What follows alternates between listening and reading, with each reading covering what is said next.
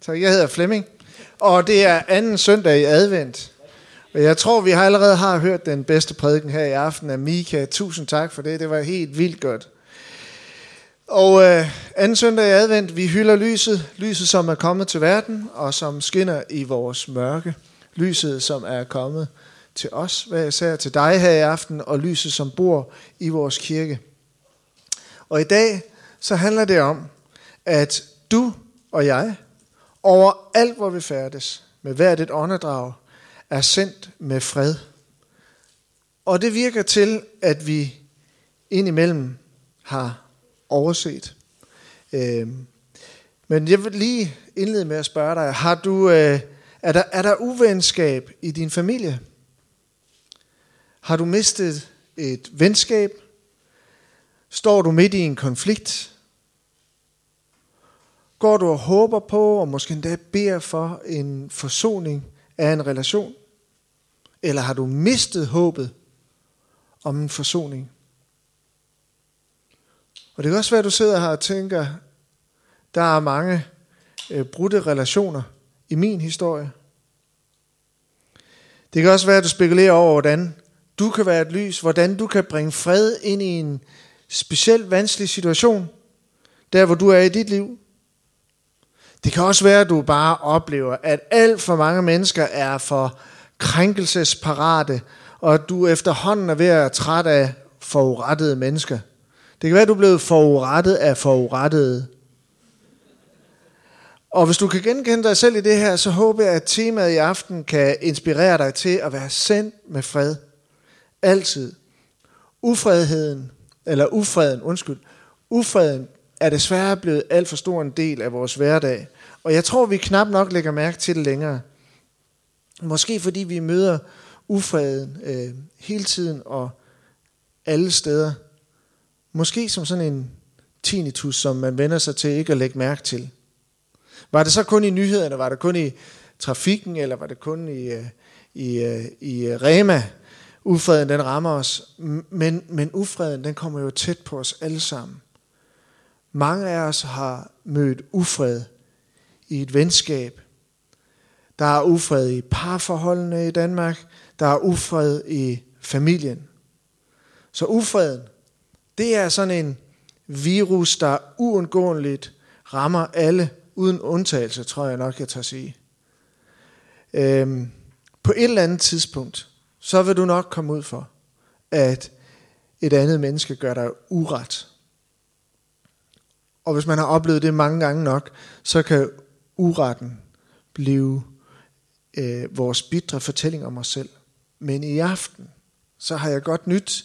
I aften, så, har jeg, så vil jeg tilbyde dig en helt ny fortælling om dig selv.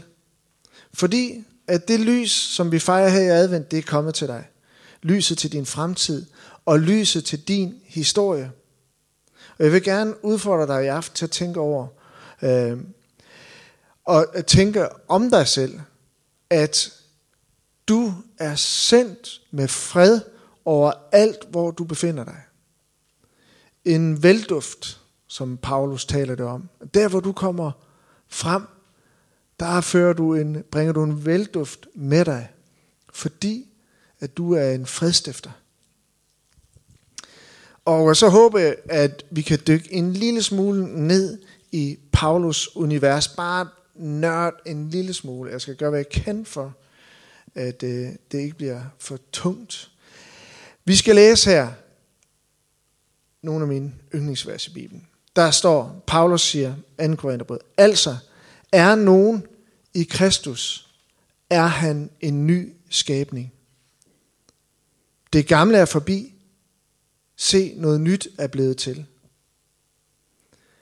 Men alt dette skyldes Gud, som forlidte os med sig selv ved Kristus og gav os forligelsens tjeneste.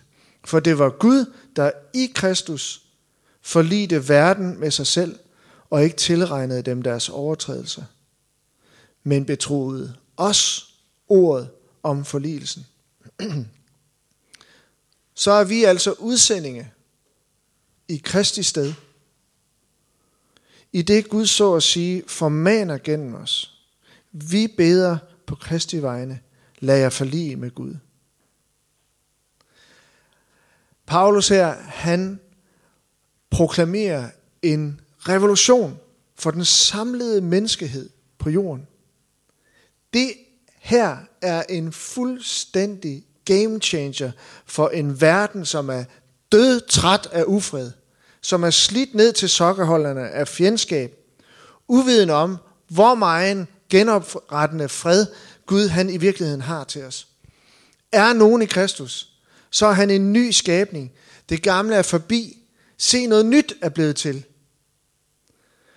Og baggrunden for Paulus grænseoverskridende påstand var, at Gud i Kristus sammenførte to folk, to befolkningsgrupper, nemlig jøder og hedninge. Og hedninge i Bibelen, det er alt andet end jøder. Så jøder og alle de andre, to forskellige folk, Gud sammenfører dem i Kristus. Alle dem, der er kommet til tro. Tilsammen så udgjorde de et nyt folk for den, øh, for den nye kristne familie. Så nøglebudskabet her i Paulus udtales, det er, er nogen i Kristus? Er han en ny skabning? Det gamle er forbi, se noget nyt er blevet til.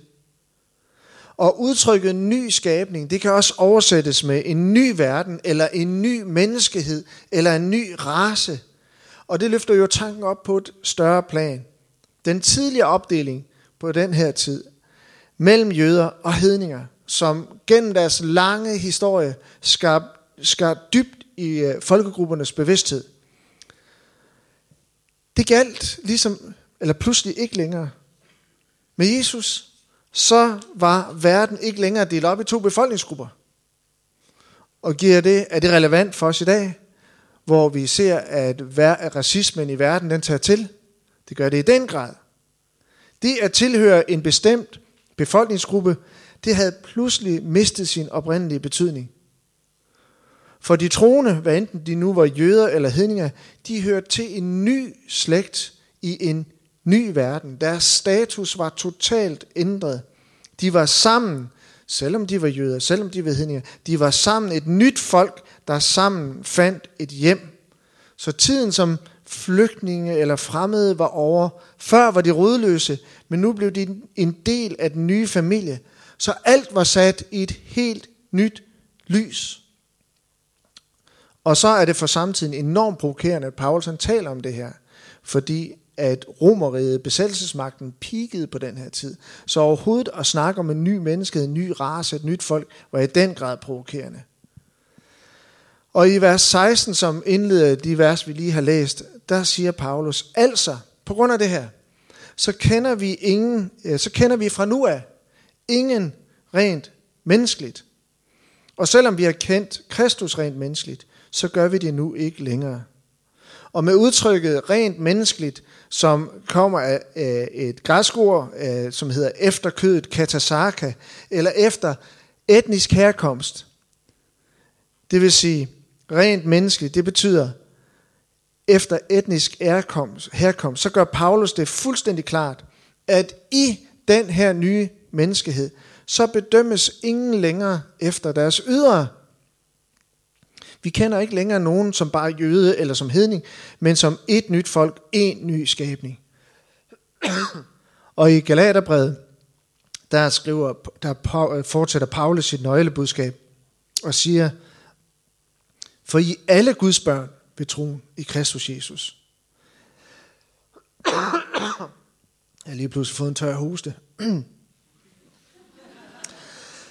alle I der er døbt til Kristus, har jo iklædt jer Kristus. Og så kommer det her. Og er det ikke bare for lækkert? Jeg vil bare sige, for at alle kan føle sig godt tilbage her, lad være med at lade begejstringen overvælde dig. Lad det være med at blive for voldsomt. Her står, her kommer det ikke an på at være jøde eller græker, på at være træl eller fri, på at være mand og kvinde, for I er alle en i Kristus Jesus. Vi er en ny menneskehed, en ny race. Du er en ny race, du hører til en ny menneskehed. Jesus. Og så uddyber han sine tanker, hvis vi lige går til et andet brev, Og jeg håber ikke, du er forvirret. Efeserbrevet 2. Og der kan du bare lige læne dig lidt tilbage, og så nyde det her. Han siger, Paulus, men nu, da I er i Kristus Jesus, er I, siger han til sine læsere. Og det er folk i Efesus, og det er datidens hedninger. Altså ikke jøderne. Men nu da I er i Kristus Jesus, er I, som engang var langt borte, ved Kristi blod kommet nær. For han er vor fred.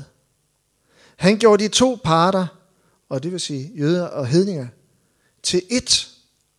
Og med sin lægemlige død nedrev han den mur af fjendskab, som skilte os. Tak. Han satte loven med dens bud og bestemmelse ud af kraft. Så Jesus han ophævede den lov, der adskilte jøder fra hedninge. For i sig at skabe et nyt menneske af de to, og således stifte fred.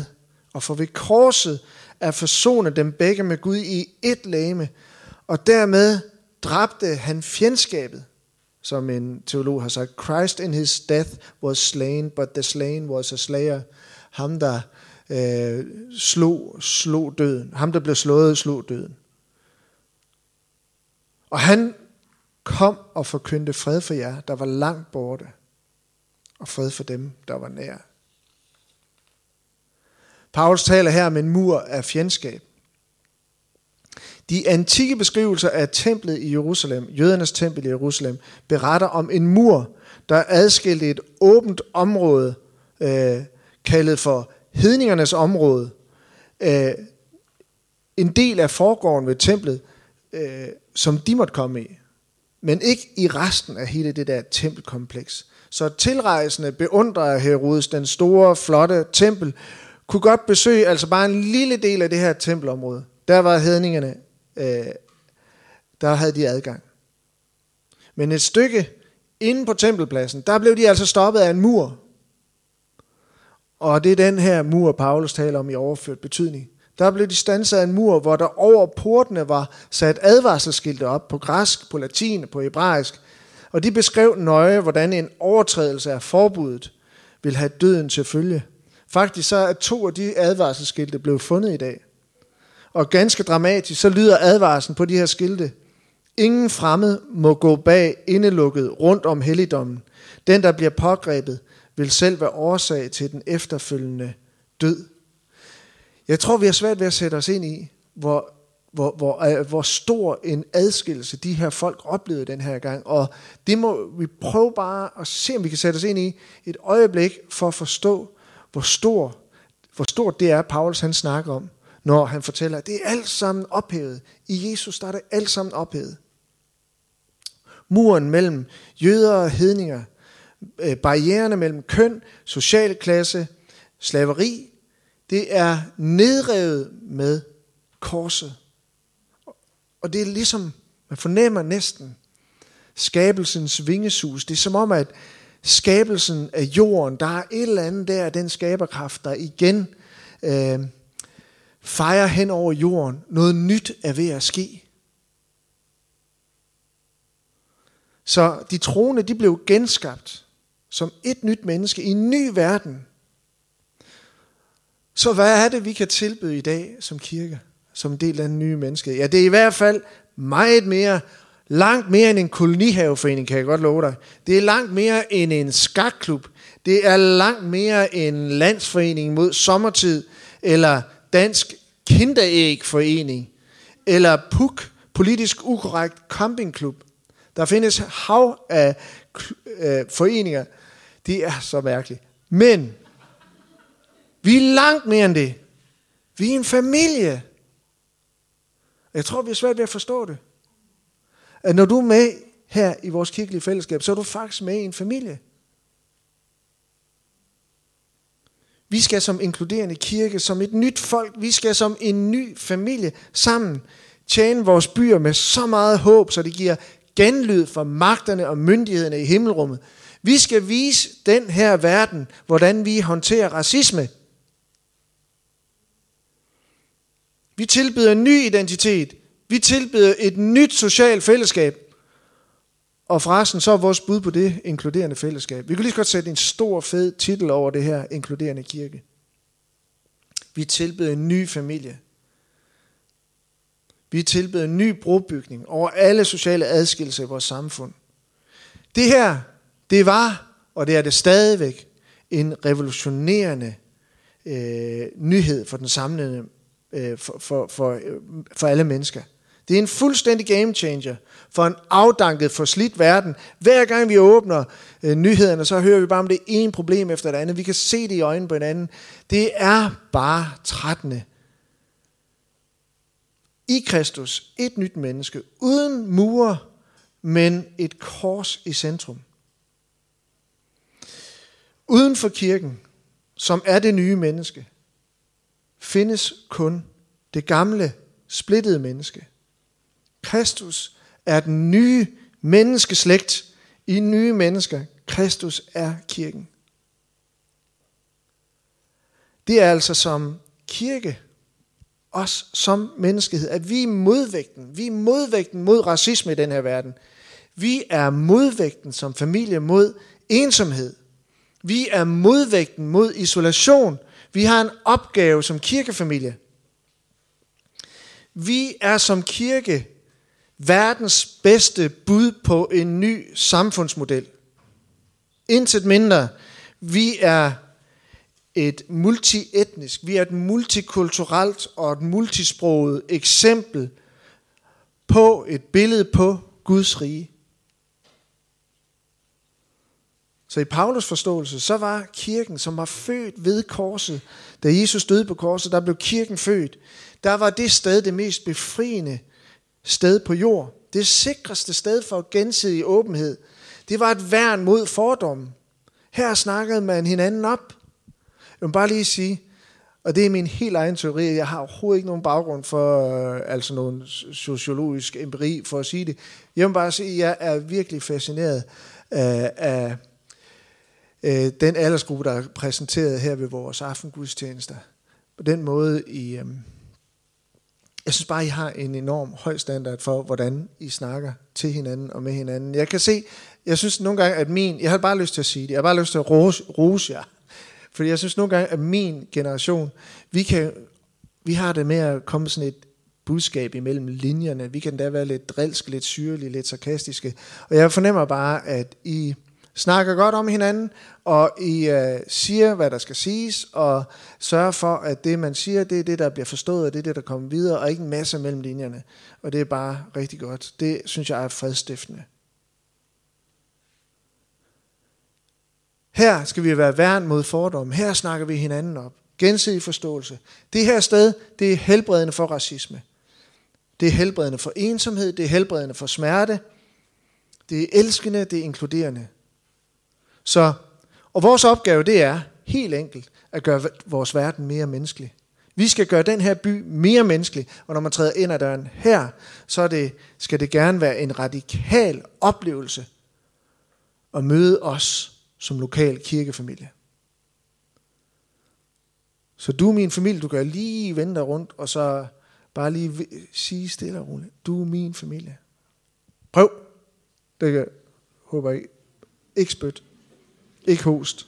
Bare lige, du er min familie. For det er vi. Derfor så kan vi ikke møde vores næste med et fremmed blik i øjnene.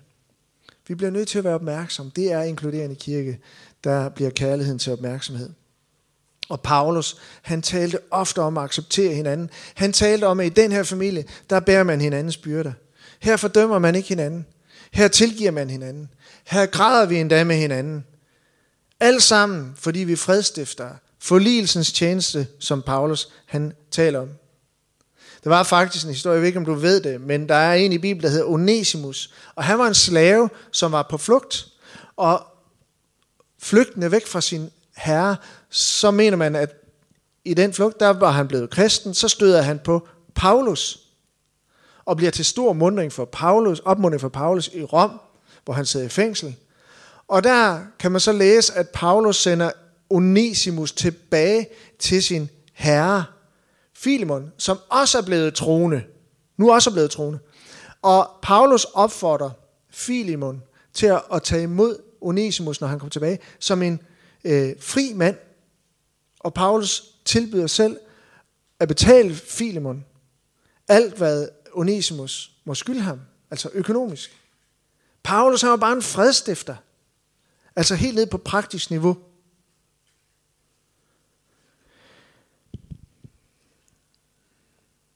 Jeg spurgte til at begynde med, om du har oplevet uvenskab i familien. Måske har du mistet et venskab. Måske står du midt i en konflikt lige nu, hvor du håber på forsoning. Og hvordan kan du være et lys? Hvordan kan du bringe fred ind i vanskelige familieforhold, der hvor det behøves? Eller i et venskab? Og sandheden er, vi kommer ofte til kort. Vi lykkes, vi lykkes langt fra altid med at bringe forsoning. Og nogle gange så er vi endda fuldstændig magtesløse. Nogle gange så kan vi ikke gøre andet end at bede for en relation. Og det vil jeg bare sige, det skal du tro på virker. Jeg vil bare opmuntre dig til, hvis du står i en fuldstændig umulig relation, og ikke har andet at gøre end at bede, så vil jeg gerne opmuntre dig til at tro på, at bøn, det virker. Bøn, det bærer. Det har en mægtig virkende kraft. Jeg vil virkelig opmuntre dig til at tro på, at bøn kan gøre en kæmpe forskel. Nu har jeg bare til sidst her sådan tre enkle principper, som har hjulpet mig ind på en fredskurs øh, mange gange, og det vil jeg bare kort dele til sidst. Det er faktisk meget lavpraktisk. Det er faktisk næsten for simpelt til at synes, at jeg kan være bekendt at sige det. Øh, men, øh, og jeg kunne tage 117 ting, vel sagtens frem i stedet for. Men der er bare nogle bitte små ting, som jeg synes har været en hjælp for mig, når jeg skal tænke, hvordan kan jeg være fredstifter? Hvordan kan jeg bringe fred i en situation, i stedet for det modsatte? Og det første, jeg går og tænker på nogle gange, det er, jeg har en pytknap. Nogle gange så har jeg stået i en situation, hvor at freden den nemt kan sprede sig. Og så har det været, så har det været en hjælp for mig at overveje. Men det var hensigtsmæssigt bare lige at kunne trykke på den der pytknap, og så virkelig mene det, og så gå væk fra, at det betyder ikke noget, der var en fejl. Pyt med det. Er det for primitivt? I må gerne stoppe mig nu. og jeg bør lige sige med det samme, det er, jo ikke, det er jo langt fra altid en god idé at trykke på pytknappen, vel? Det er jo ikke altid godt. Fordi nogle gange, så er der noget, man må diskutere. Men i nogle situationer, så kan det være næsten mirakuløst aflastende i situationen, både for mig selv og for andre. Og jeg har fundet ud af, at den knap, den dur altså bedst til små ting, som ikke skal gå hen og blive for store ting. Fordi det ikke er værd at blæse op. Og måske nogle gange, jeg ved ikke om du kender til det, når man ligesom går og koger over en masse tanker og oplevelser inden i ting, der er blevet sagt, ting man lige har ja, oplevet. Øh, kender du det? Eller er det bare mig, der koger en gang imellem? Øh, sådan nogle ting, som der er sagt noget forkert, men alligevel det hele er ved at komme på ret kurs. Øh, og så skaber det en lille smule ufred. Måske er det bare der, man skal trykke på pyt med det knappen.